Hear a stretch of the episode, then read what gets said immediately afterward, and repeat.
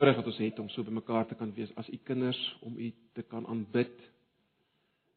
U groot te maak. Ag Here, ons wil vra dat u vir ons vanoggend geweldig bewus sal maak van van u self en u teenwoordigheid en ons voor u. En ons ook sal verstaan Here dat die rede waarvoor ons hier is is is ten diepste om om om u te aanbid en om u groot te maak want dis waarvoor ons gemaak is. Ons wil vra dat U ons sal toerus en sal bekragtig deur die Gees juis om dit te doen ook in hierdie oggend. Ook as ons gaan luister na U woord. Asseblief. En as ons U woord verkondig. Wil ag Here, ja, ons kom nou na U toe en ons kom bely ons afhanklikheid van U. Here, U ken ons elkeen. U weet waar ons is geestelik in hierdie oggend. U weet dat ons U nodig het om ons lewend te maak geestelik elke dag deur die werking van u gees. Ag Here, ons wil maar net vanoggend weer eens erken dat ons sonder u niks niks kan doen nie. Nou Here, as ons so sing soos ons vanoggend gesing het, dan is ons so bewus daarvan dat dit is waarvoor ons gemaak is om u groot te maak. Dankie vir die wonder van sang, die wonder van musiek wat U gegee het sodat ons dit wat ons dink oor U kan omsit in die hoogste rad. Ons dankie daarvoor. Ag Here, ons wil nou vra dat U ons sal help om te konsentreer om te hoor wat U wil sê in hierdie oggend. Ons wil bid vir elkeen wat nie nog nie hier is nie, wat nog op vakansie is. Vra dat U hulle sal bewaar en veilig sal terugbring. Bid vir almal wat siek is, ernstig siek is en ook minder ernstig siek is wat nie ver oggend hier is of kan wees nie. Ons vra dat U ook ver oggend met hulle sal praat en met hulle sal werk. Waar ook al mag wees, asseblief. Ons vra dit alles net in Jesus se naam. Amen. Nou ja, soos ek net nou gesê het, ons gaan vanoggend uh, net 'n paar inleidende opmerkings maak oor Esegiel en dan volgende Sondag ook. Uh, ek wil wel hê ons moet net uh, die eerste 3 verse van Esegiel 1 net saam lees.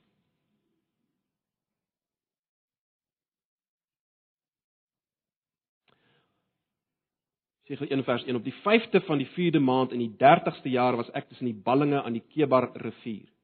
Die hemel het oopgegaan en ek het gesigte gesien wat van God kom. Nie meer letterlike vertalings maar net ek het gesigte van God gesien. Dit was op die 5de van die maand en dit was die 5de jaar van die ballingskap van koning Jojagin. Die woord van die Here tot die priester Isegiel seun van Busi gekom. Dit het gebeur aan die Kebar rivier in Galdeerland. Die mag van die Here het vir Isegiel daar in besit geneem. Die meer letterlike vertaling sê die hand van die Here was op Isegiel. Nou, ek dink julle sal my saamstem. Vals sekerheid is 'n verskriklike ding. Dit kan fataal wees. Vals sekerheid. Eh, kom ons gee 'n simpel voorbeeld. As jy seker is en jy is oortuig dat jy 'n valskerm aan het en jy spring uit 'n vliegtuig uit en al die tyd was dit valse sekerheid. Dan jy 'n probleem, né? Dis fataal. Dis fataal. Nou, 'n groot kenmerk van die volk Israel wat 'n mens feitelik in al die profete vind, uh is dit. Hulle het onder 'n vals sekerheid verkeer. Hulle het onder 'n vals sekerheid verkeer. Hulle was oortuig daar's niks fout met hulle en hulle toewyding nie. Hulle was oortuig God is dood gelukkig met hulle. En daarom was die profete tot 'n groot mate vir hulle 'n verleentheid, 'n 'n las, 'n ergernis. meen die die hele boodskap van God wat in sy oordeel oor hulle sal kom en en en die tempel wat vernietig gaan word en en en dat hulle in ballingskap weggevoer sou word was ondenkbaar. Dit was ondenkbaar vir volk Israel. Ek meen, was God se beloftes aan hulle nie vas en seker nie? Maak nie saak wat ook al gebeur nie, was dit nie vas en seker nie. Kyk, om om om die woord van God te hê, die wet van God. Om die uitverkore volk van God te wees. Deel te aan die verbonde. Met alles wat dit behels. Om die ark van God te hê met 'n Aaron se staf daarin. Uh om 'n allerheiligste te hê waar waar God bly in sy heerlikheid. Ek meen, is dit alles nie genoeg versekering vir 'n rooskleurige toekoms nie? Vir voorspoed in die toekoms. Jy sien die die volk het voortgegaan om te leef soos hulle wil, om te sondig en te aanvaar dat God nog steeds oor hulle glimlag. Al doen hulle wat ook al, want kyk wat het God alles vir hulle gegee en meer as dit, alles wat ons nou genoem het, meer as dit, God het in die verlede hulle met guns besoek. God het in die verlede vir hulle voorspoed gegee. En daarom het die volk onder 'n geweldige sekuriteit geleef of eh, 'n geweldige sekuriteit beleef. Ek meen niks kon hulle wegvat van Sion, die plek waar God was. Niks. Hierdie valse sekerheid, broers en susters, is nog verder vasgemessel in hulle koppe deur sommige profete. Profete wat bloot saamgestem het met hierdie denkpatroon, uh profete wat gesê het vrede, vrede vir julle al was daar geen vrede nie.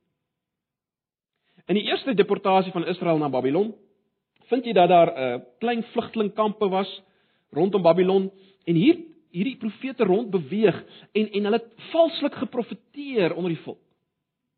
Wat hulle basies gesê het is dit: Moenie bekommerd wees nie. Uh julle is nou wel uit die land van belofte, maar maar God se belofte staan steeds. Julle is steeds God se mense. God is steeds gelukkig met julle. Uh Hy is lief vir julle. Wees net geduldig.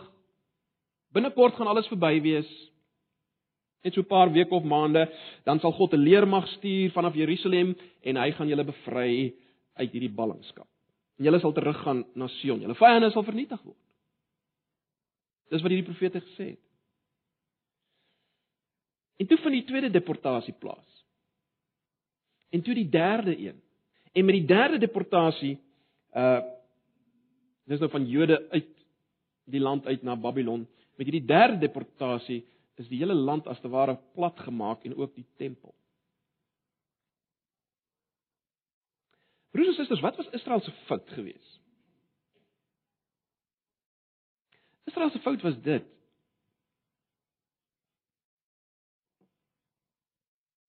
Hulle het nie die verwerplike aard van hulle eie sonde raak gesien aan die een kant nie en hulle het nie die ontsaglike heiligheid van God aan die ander kant begryp. Hulle was reg om te sien wie hulle is en wat hulle alles het. Daarom was hulle reg. Maar jy sien hulle probleem was, hulle het nie gesien hoe lyk hulle nie. Waarmee is hulle besig nie? Hulle het nie hulle eie sonde gesien aan die een kant nie. Hulle het nie die heiligheid van God aan die ander kant gesien. Dit was hulle probleem. En laat ek net so terloop sê as as as ons as Christene afgestomp word of afgestomp raak vir ons eie sonde en God se heiligheid, is daar iets groots fout. Ja, ons ons ons het ons het sekerheid, nê, nee, as ons in Christus is, uh, niemand kan ons uit sy hand ruk nie. Maar broers en susters, as as hierdie waarheid lei tot 'n onverskilligheid in ons wat betref sonde en 'n traagmynigheid uh wat betref God en sy heiligheid, dan mis ons iets iewers. Dan mis ons iets iewers. En dit was die probleem by die volk. Die die gevolge hiervan Die uiteinde van hierdie fout van Israel word baie duidelik uh gesien in die boek Esegiel. Wat ons raak sien hier in die boek is is dit: as daar nie rekening gehou word met God se heiligheid en met jou eie sonde nie, as daar as jy nie rekening hou daarmee as iemand wat deel het aan al hierdie voorregte wat ons net genoem het nie. As jy nie dit onthou nie, as jy nie daarmee rekening hou nie, dan is daar die gevaar dat God se heerlikheid gaan verdwyn. Dis wat ons sien in die gees eh, in Jesegiel. Die heerlikheid van God. Die volheid van God sal jou verlaat. Dis wat Jesegiel wys.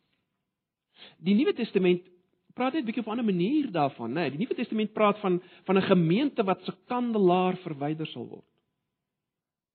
In Jesegiel het dit gegaan oor die heerlikheid van God wat sal verdwyn.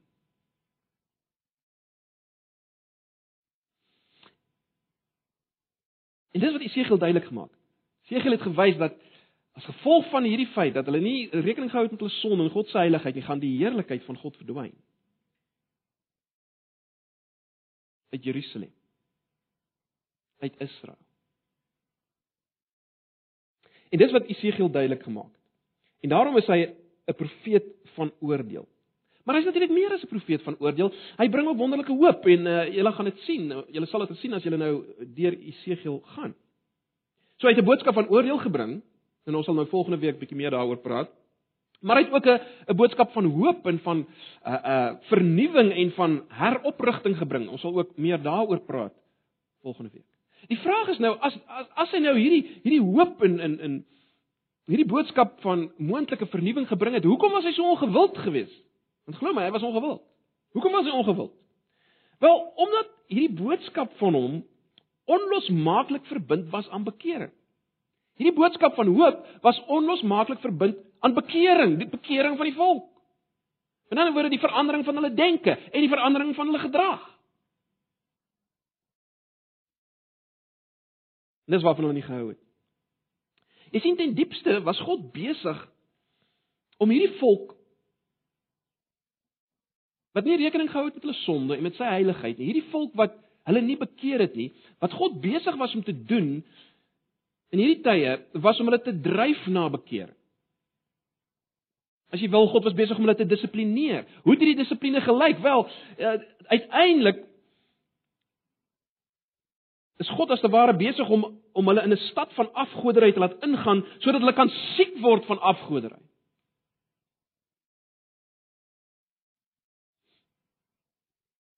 Dat hulle kan begin raak sien waarmee hulle besig is. So God wil hulle bevry van afgoderry. Hoe gaan hy hulle bevry van afgoderry? Jy's om hulle as te ware siek te maak daarvan. In hierdie heidense land. Onder sy oordeel. Mense sien iets van die volk se se noodkreet van van wat hulle beleef het in in in in die baie bekende Psalm 137, ons alweer as 'n baie bekende popliedjie daaroor geskryf uh, by the rivers of Babylon. Maar luister net na hierdie hierdie verse in Psalm 137. Jy hoef nie nou uh, na te gaan nie. Luister maar net daarna. Die volk sing en dan sê hulle by die riviere van Babel, daar het ons gesit en ons trane het gevloei as ons aan Sion dink. Aan die wilgerbome in daardie land het ons ons liere opgaan. Vers 3 van Psalm 137.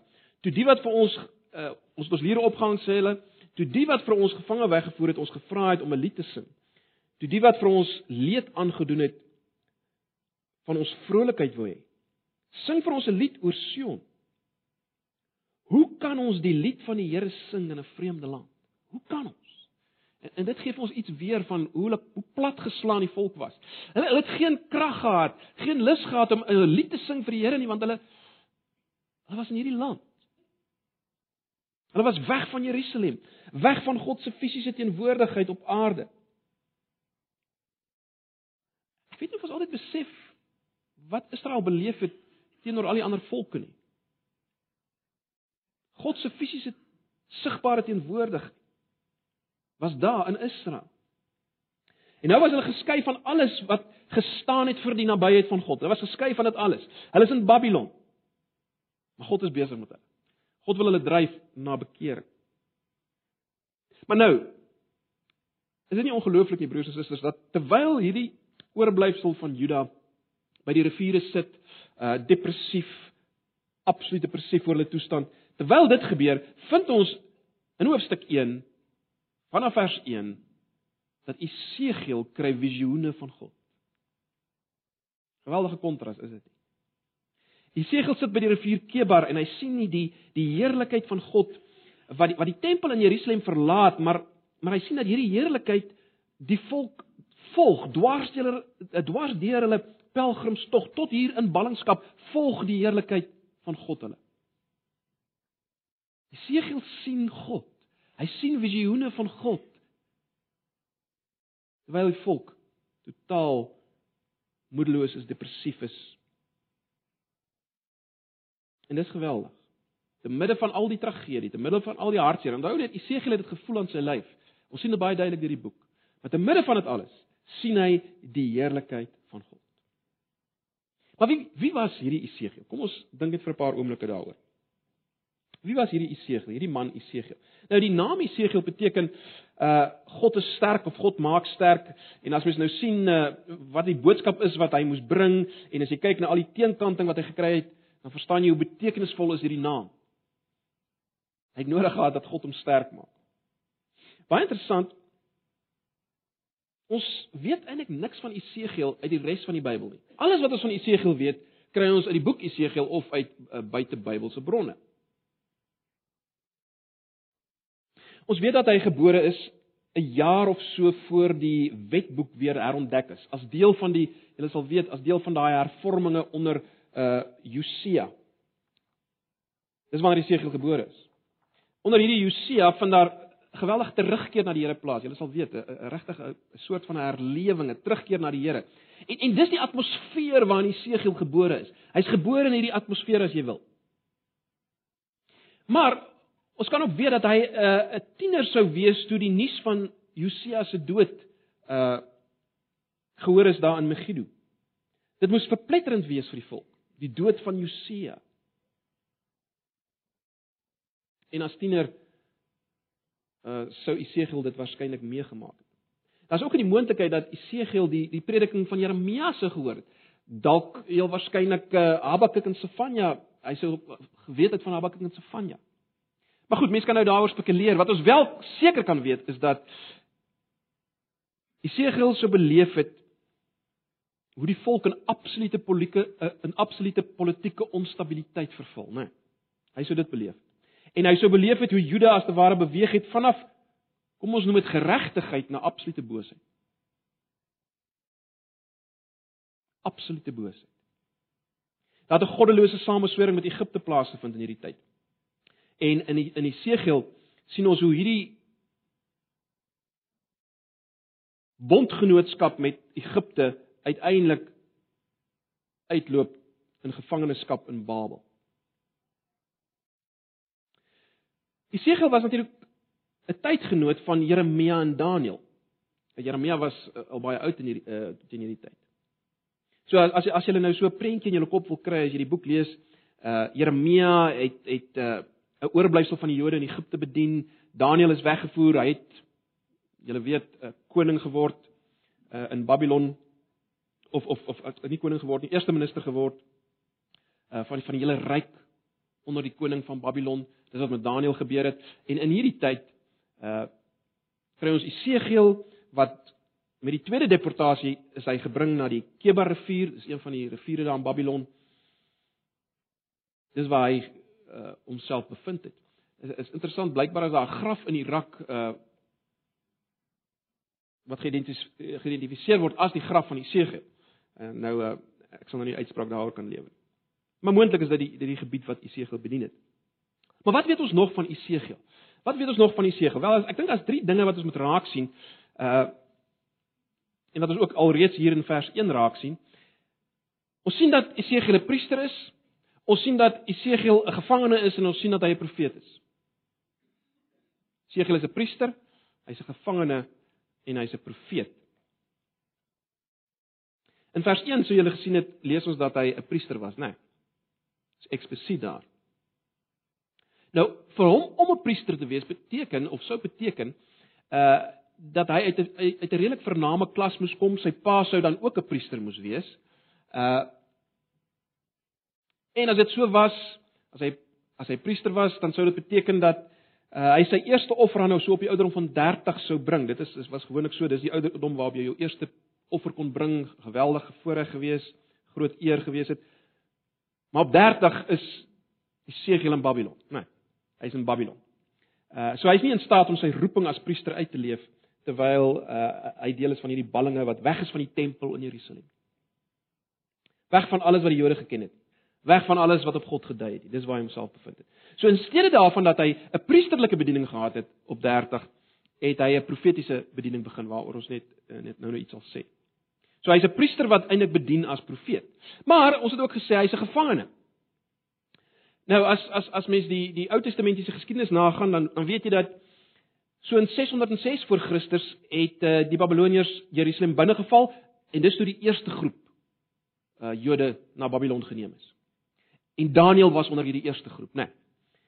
'n Paar jaar later, 597 voor Christus, het die tweede deportasie plaasgevind en en die jong Esegiel, so 'n man van 24, 25, was onder hierdie tweede groep.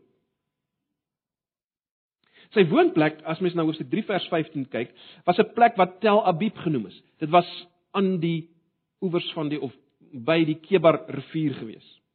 Wat natuurlik weer naby die Efrat was. Uh Esegiel het in 'n soort van 'n vlugtelingkamp gebly as jy wil. Maar ons sien in hoofstuk 8 vers 1 dat hy sy eie huis hier gehad het. So dit was 'n vlugtelingkamp, maar dit uh, die ouens is redelik goed versorg daar. So ons moet nou nie dink aan 'n aan 'n konsentrasiekamp soos in tydens die Tweede Wêreldoorlog nie, né? Dit was dit was bietjie meer uh 'n bietjie van 'n beter toestand gewees. Hulle kon redelik hulle eie ding doen. Hulle kon hulle eie God aanbid in hierdie vlugtelingkamp. Ons sien selfs dat Esegiel getroud was. Dat nie met ander woorde nie net sy eie huis gehad nie, hy was getroud. Uh hierdie vrou van hom het, het later gesterf in die jaar van die laaste beleg van Jerusalem. Dit is belangrik om te weet dat die die ouens onder wie Esegiel gewerk het, die ballinge. Hulle het uit uit 'n hoër klas van die samelewing gekom. Baie baie belangrik.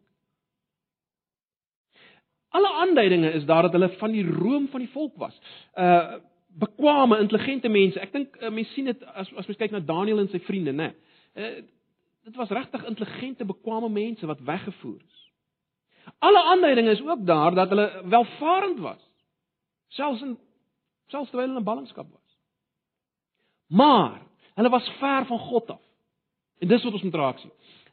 So hulle was van die hoër klas, hulle was welvarend, maar hulle was ver van God af. En hulle het gedink Jesegiel praat 'n absolute klomp irrelevante nonsens.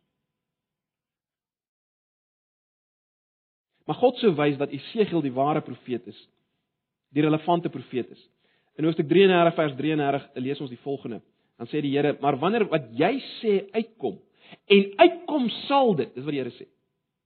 Wanneer wat jy sê uitkom en uitkom sal dit sal hulle besef dat daar 'n profeet tussen hulle was.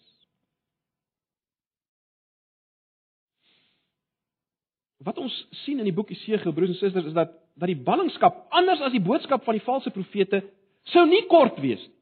Valse profete het gesê dit gaan gou verby wees, maar dit was nie. En dis wat Jesegiel gesê het. Dit was nie kort nie. Hulle sou nie vrykom nie. Hulle sou nie gespaar word nie. Om die waarheid te sê, baie van hulle sou sterf in ballingskap.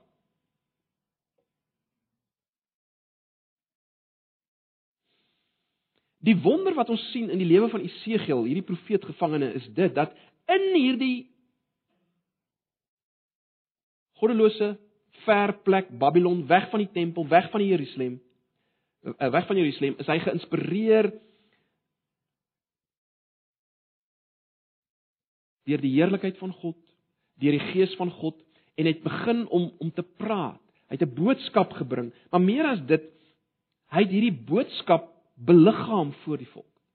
As jy Jesaja lees, sal jy dit sien. Hy het nie net gepraat nie, hy het dit wat hy gesê het as te ware beliggaam op baie vreemde maniere. En dit bring ons by sy profetiese werk. So ons het nou gekyk na die feit dat hy priester was, maar nie priester kon wees nie. Ons het bietjie gekyk na sy die feit dat hy 'n gevangene is. Nou na die feit dat hy profeet is. Vanaf 30 jaar, uh, vanaf die ouderdom van 30 het hy 'n bediening gehad wat so oor 20 jaar gestrek het. En broers en susters, is geweldig. Vir 20 jaar preek Esegiel 'n boodskap waarna niemand luister nie. Niemand steur hulle aan. Niemand steur hulle aan. Esegiel, as jy wil, was 'n sendeling onder sy eie mense en hy roep sy eie mense op tot bekering. Hy roep hulle op om terug te draai na God sodat die heerlikheid van God weer in hulle midde kan wees. Dis wat hy doen. Hy roep sy eie mense op tot bekering sodat die heerlikheid van God weer in hulle midde kan wees.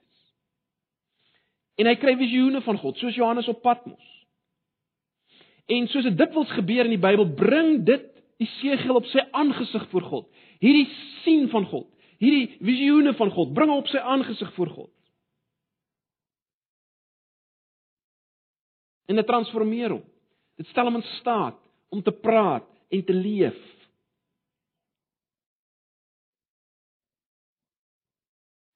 Jesegiel se bediening, broers en susters, moenie fout maak nie, het geweldige persoonlike pyn en lyding vir homself ingehou. Omdat hy hierdie boodskap moes leef demonstreer. Uh as as mens die boek Jesegiel lees dan sien mens dit. Ek kan nou nie daarop uitbrei nie, maar jy sal weet uh op 'n stadium is hy met stomheid geslaan. Hy kon letterlik nie praat nie. God het dit aan hom gedoen. Hy's met stomheid geslaan vir 'n rede. Op 'n stadium beveel God hom vir hom om op sy sy te lê as 'n demonstrasie van uh of 'n demonstrasie aan die mense van van van wat hulle is en na wie hulle kyk en na wie hulle kyk vir hulp. Uh hy moes dit demonstreer deur op sy sy te lê. Baie lank. Gaan lees dit maar. Op 'n stadium moes hy walglike kos eet. Jy sien weer en weer beveel God hom om hierdie simboliese handelinge te doen om die aandag te kry van sy eie mense. Op 'n stadium moes hy sy baard en sy hare skeer, 'n geweldige vernederende ding uh in daai tyd en hy moes die baard in in in in dele verdeel en strooi as as as as 'n boodskap van 'n baie spesifieke boodskap. Ek gaan nie nou daarop uitbrei. Wat ons draak sien is dat dit vernederend was. Traumaties was vir die seëge. Op 'n stadium moes hy optree soos iemand wat vlug van van die oorlog. En nou was daar 'n stadium wat hy net moes sit en sug teenoor homself. Hy moes net sit en sug.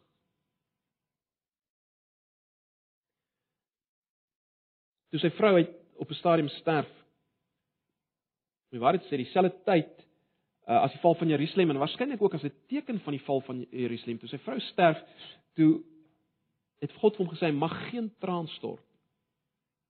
Mag geen traan stort. So dis wat die Here van Jesegel gevra het. Dis wat hy moes doen. Jy sien, dit was nie maklik. Dit was nie maklik om 'n profeet te wees, om profeties op te tree onder jou eie mense nie. Was nie maklik. Maar dis wat hy gedoen het. Dis wat toe die Here hom geroep het. Nou, volgende Sondag sal ons 'n bietjie meer kyk na na sy boodskap in besonderhede. Maar, maar kom ons vra onsself vanoggend Wat sê hierdie eerste inleidende opmerkings wat ons nou gemaak het oor die volk en die toestand en Esegiel? Wat sê dit vir ons? Sê dit vir ons enigiets? Want ons wil tog nie net besig wees met 'n geskiedenisles nie, né?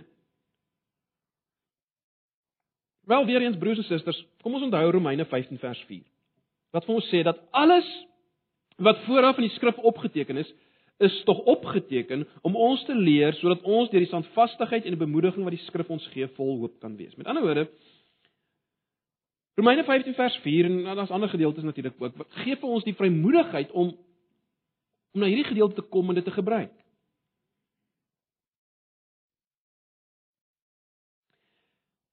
So dis die eerste ding wat ek wil sê.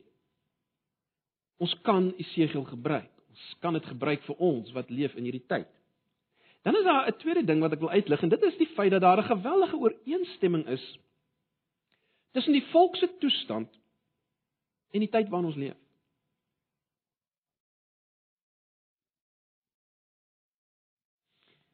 Ag broers en susters, ons leef in 'n land waar ek tog dink daar's nog in 'n groot mate dalk eh, en, en dis nie onder almal noodwendig nie, maar ek dink daar's tot groot mate die gevoel dat ons as blanke Afrikaners is die volk van die Here. Eh, die die meeste mense se name is iewers die meeste blanke Afrikaners in Suid-Afrika se name is iewers op 'n 'n uh, 'n gemeenteregister. Hulle is iewers iewers het hulle 'n lidmaatsertifikaat. En daarom het ons dikwels hierdie gevoel dat God moet ons help. God moet ons help teen hierdie slegte regering. Ons maak op staat. God is God is gelukkig met ons, hy's ongelukkig met daai ouens. Hy's ongelukkig met die ANC regering, maar hy's gelukkig met ons. Want ek bedoel ons is sy mense. Ons ons is goeie mense, Afrikaner mense. En ons woon kerk by nog so nou en dan. Bid selfs by etes en so.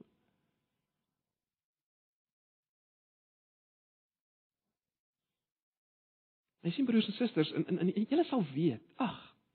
Ek weet nie van julle nie, maar ek is verstom oor hoe ligtelik die mense rondom ons omgaan met sonde. En omgaan met die heiligheid van God. Dit speel geen rol nie. Dieselfde ouens wat die kerke vol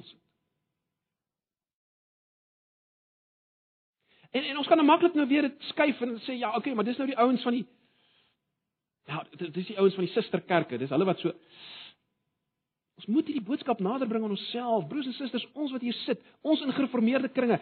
Maak ons nie geweldig staat op alles wat ons weet.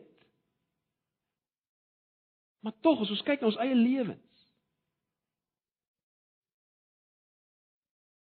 Is daar nie maar 'n gemaklikheid met sonde? En 'n gemaklikheid met God.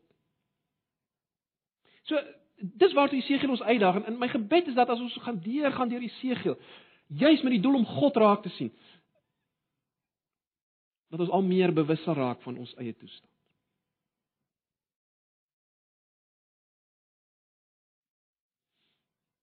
Nou goed, ons sê dis die toestand wat onder ons in ons midde is, net soos in die tyd van Jesegiel. Die vraag is nou wie moet wie moet hierdie toestand aanspreek? Wie wie moet die mense reghelp?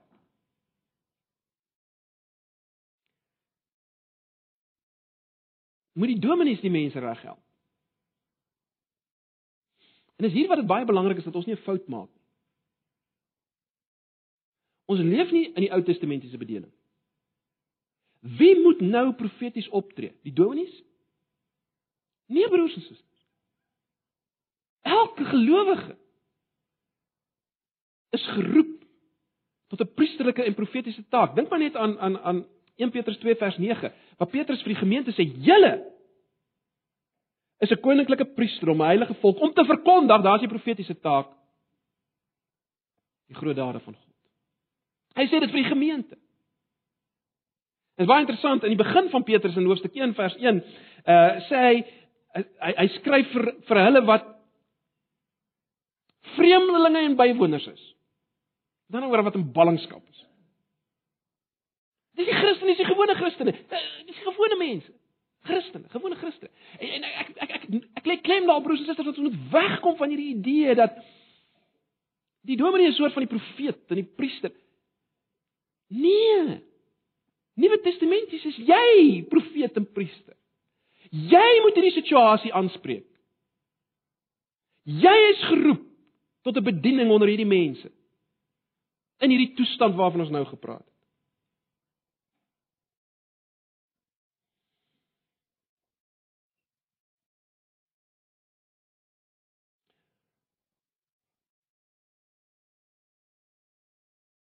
Wat het veroorsaak dat Isegiel dit kon doen? In sy tyd met woord en met daad kon sendeling wees onder sy eie mense, as ek dit so kon stel. Wat het, wat het hom daartoe beweeg? Wel, broers en susters, visioene van God. Hy het God raak gesien. Hy het God raak gesien.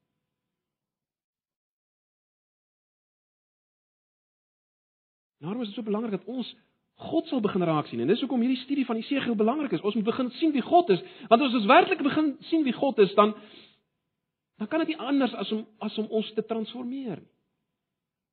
Te laat praat en te laat optree nie. Ek sal nou net weer iets daaroor sê. Baie belangrik ook. Esegiel was in 'n sinne afbeelding van God se finale profeet en priester Jesus. Dis baie belangrik. Daar's 'n paar interessante daar's interessante ooreenstemmings. Is, is interessant dat Jesus sy bediening ook op 30 jaar begin het soos Esegiel, né? Nee. Maar daar's iets anders wat ek wil uitlig.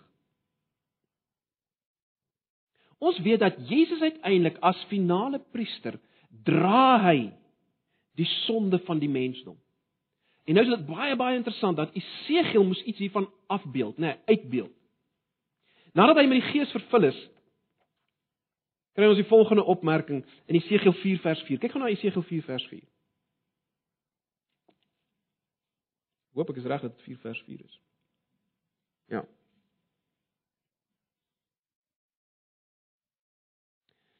Ek lees dit maar in die 83 vertaling. Jesegiel 4 vers 4. Luister. Gaan lê ook op jou linkerkant en sit daar op die ongeregtigheid van die huis van Israel. Volgens die getal dae dat jy daarop lê, moet jy hulle ongeregtigheid dra. En ek lê jou die jare van hulle ongeregtigheid op volgens die getal dae, 390 dae dat jy die ongeregtigheid van die huis van Israel moet dra. Baie interessant, is dit nie? Wat Esegiel hier moet doen word in priesterlike taal en in offertaal beskryf. Dis eh, terloops dis dieselfde taal wat gebruik word in Levitikus 16 uh vir die sondebok wat die ongeregtigheid moes wegdra. Uh dis die taal wat gebruik word vir die priesteramp in Numeri. Maar ons weet broers en susters, dis wat Jesus kom doen het, né? Nee. In Jesaja 53. Hy het ons sonde, ons laste kom dra, sê Jesaja 53. Gaan lees maar weer Jesaja 53. Maar nou, en dis baie interessant. Dis belangrik. En en, en julle moet raak sien as ons besig is met die Ou Testament sien Jesus en dan deur Jesus kom die boodskap na ons toe. Nou is dit baie interessant. As ons lees in Galasiërs 6 vers 2 dat Paulus sê dra mekaar se laste en vervul so die wet van Christus. Waar kry jy hierdie taal? Wel dit kom uit Esegiel uit. En dit is weer 'n afbeelding van dit wat Jesus gedoen het, né? Nee. Dra mekaar se laste en vervul so die wet van Christus, net so terloops, die wet van Christus is meer as die Mosaïese wet. Die wet van Christus is is daardie beginsel van opofferende, kruisdraande liefde vir die wat die teenoorgestelde verdien. So om jouself af te lê vir hulle wat dit nie verdien nie. Selfopoffering. Dis wat die wet van Christus beteken. En Paulus kom sê dis wat julle moet doen. Dis hoe julle die wet van Christus uitleef. Dra mekaar se las. En ek hoop julle sien dis waar dis wat ons doen as Nuwe Testamentiese mense wat Esegiel gedoen het. Nee, wat Esegiel afgebeeld het. Broers en susters, ons moet as te ware ingaan in die laste van die mense rondom ons dra, die mense onder wie ons leef, die mense van ons tyd alles wat dit behels.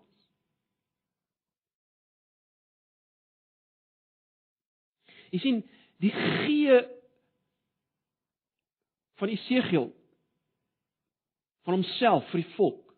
Is 'n afbeelding van die gee van Jesus toe homself gegee het vir die mensdom. En dis die as ek as ek dit sou kan stel, die paradigma vir die Christelike lewe om onsself te gee vir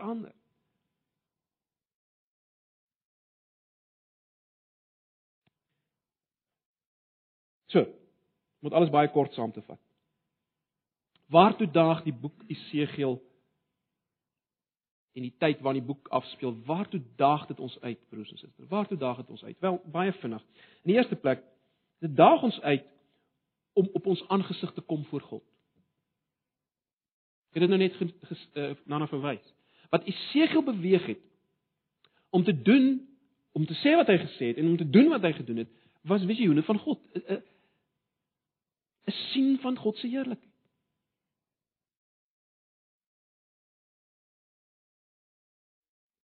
En dis vir ons moet kom broers en susters, ons moet op ons knieë kom voor God en in in hom weer raak sien. Jy, jy sien dit gaan oor meer as net teologie ken en meer as net Bybelstudie doen. Dit is natuurlik ongelooflike belangrike tools as jy wil.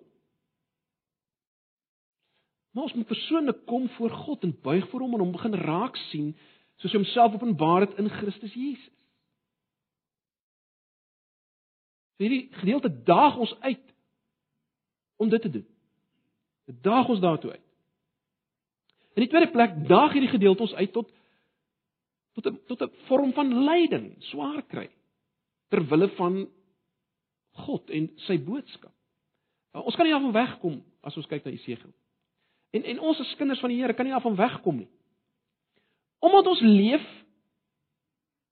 onder mense wat wat oortuig is dat God is aan hulle kant en daarom as ons hulle aanspreek, gaan ons vreemd behandel word. Soos jy sê. Ons moet dit weet en ek wil dit maar sê vir die vir die jong mense ook, uh, uh die kinders. Om 'n Christen te wees, gaan beteken jy gaan anders wees en uitgedruk word. Dit is Jy kan nie maar net saamgaan met die met die hoofstroom nie, want dis soos in die tyd van die segel, die hoofstroom is baie oortuig hulle is reg. En daarom uh, hulle leef net soos die wêreld en doen dieselfde goed, maar hulle sal net so oop versies sit op hulle Facebooke en hulle WhatsApps en so aan, jy weet, hulle is nog Christene ook. En ons word geroep om om anders te wees. Om te om vir hierdie mense te sê, luister, Wie is God en hoe lyk julle lewens? En dit gaan lei tot swaar kry en lyding. 'n Mate van 'n vorm daarvan. So dis die tweede ding waartoe ons wat hierdie gedeelte ons uitdaag. Is dit, dit gaan iets kos. In 'n ander manier. En dan net derdens, die gedeelte roep ons op tot praat en doen. Praat en doen. Uh Dis wat Jesegiel, dis wat ons sien by Jesegiel, nee, hy het gepraat, maar hy het ook gedoen, hy het gedemonstreer met sy lewe het hy die boodskap gedemonstreer. Broers en susters, dis wat nodig is in die tyd waarin ons leef. Mense wil die boodskap van die evangelie sien. Hulle wil die realiteit daarvan sien in lewens. Dan wil nie net ons woorde hoor. Dis belangrik, ons woorde moet daar wees om dit te komplementeer, maar hulle wil anders anders te lewens sien. En dis waartoe hierdie boek ons uitdaag. En luister, ons het in 'n sin 'n beter boodskap as Jesaja. Ons het dit waarvan die Segel praat wanneer hy uitgesien het. Die bedeling van die Gees en alles wat daarmee saam, ons het dit.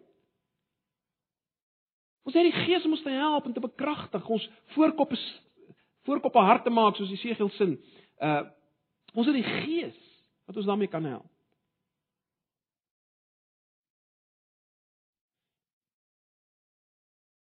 En dis waar die gedeelte ons uitdag. Praat en te doen Broers en susters, ons is geroepe om om hierdie valse sekerheid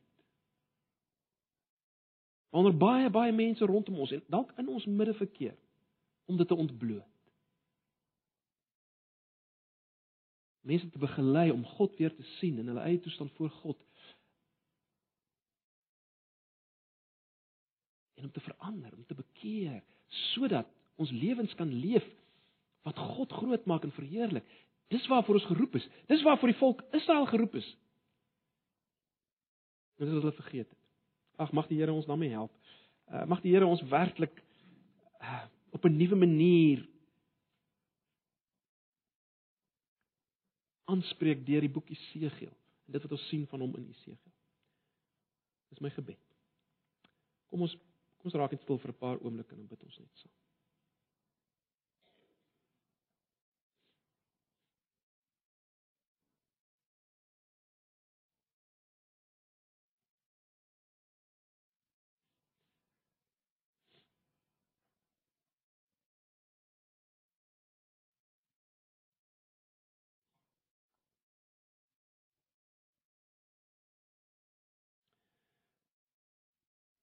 Ag Here baie baie dankie vir uh, die profete en spesifiek vir Esegiel.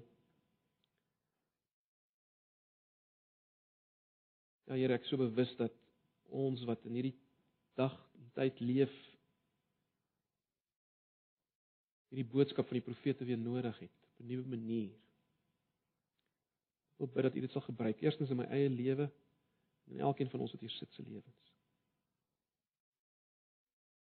Ag Here, ons het nodig dat U ons oë sal oopmaak vir wie U is op 'n nuwe manier. Dat ons 'n realiteit sal word. En dit uiteindelik ons ons praat en ons doen sal beïnvloed. Asseblief Here, ons vra dit groot afhanklikheid in die naam van Jesus. Amen. Mag die genade van ons Here Jesus en die liefde van God gemeenskap van sy Heilige Gees met julle wees en bly in hierdie week. As julle ook getuies vir Here gaan wees en vir sy eer, vir sy heerlikheid gaan opstaan. Amen.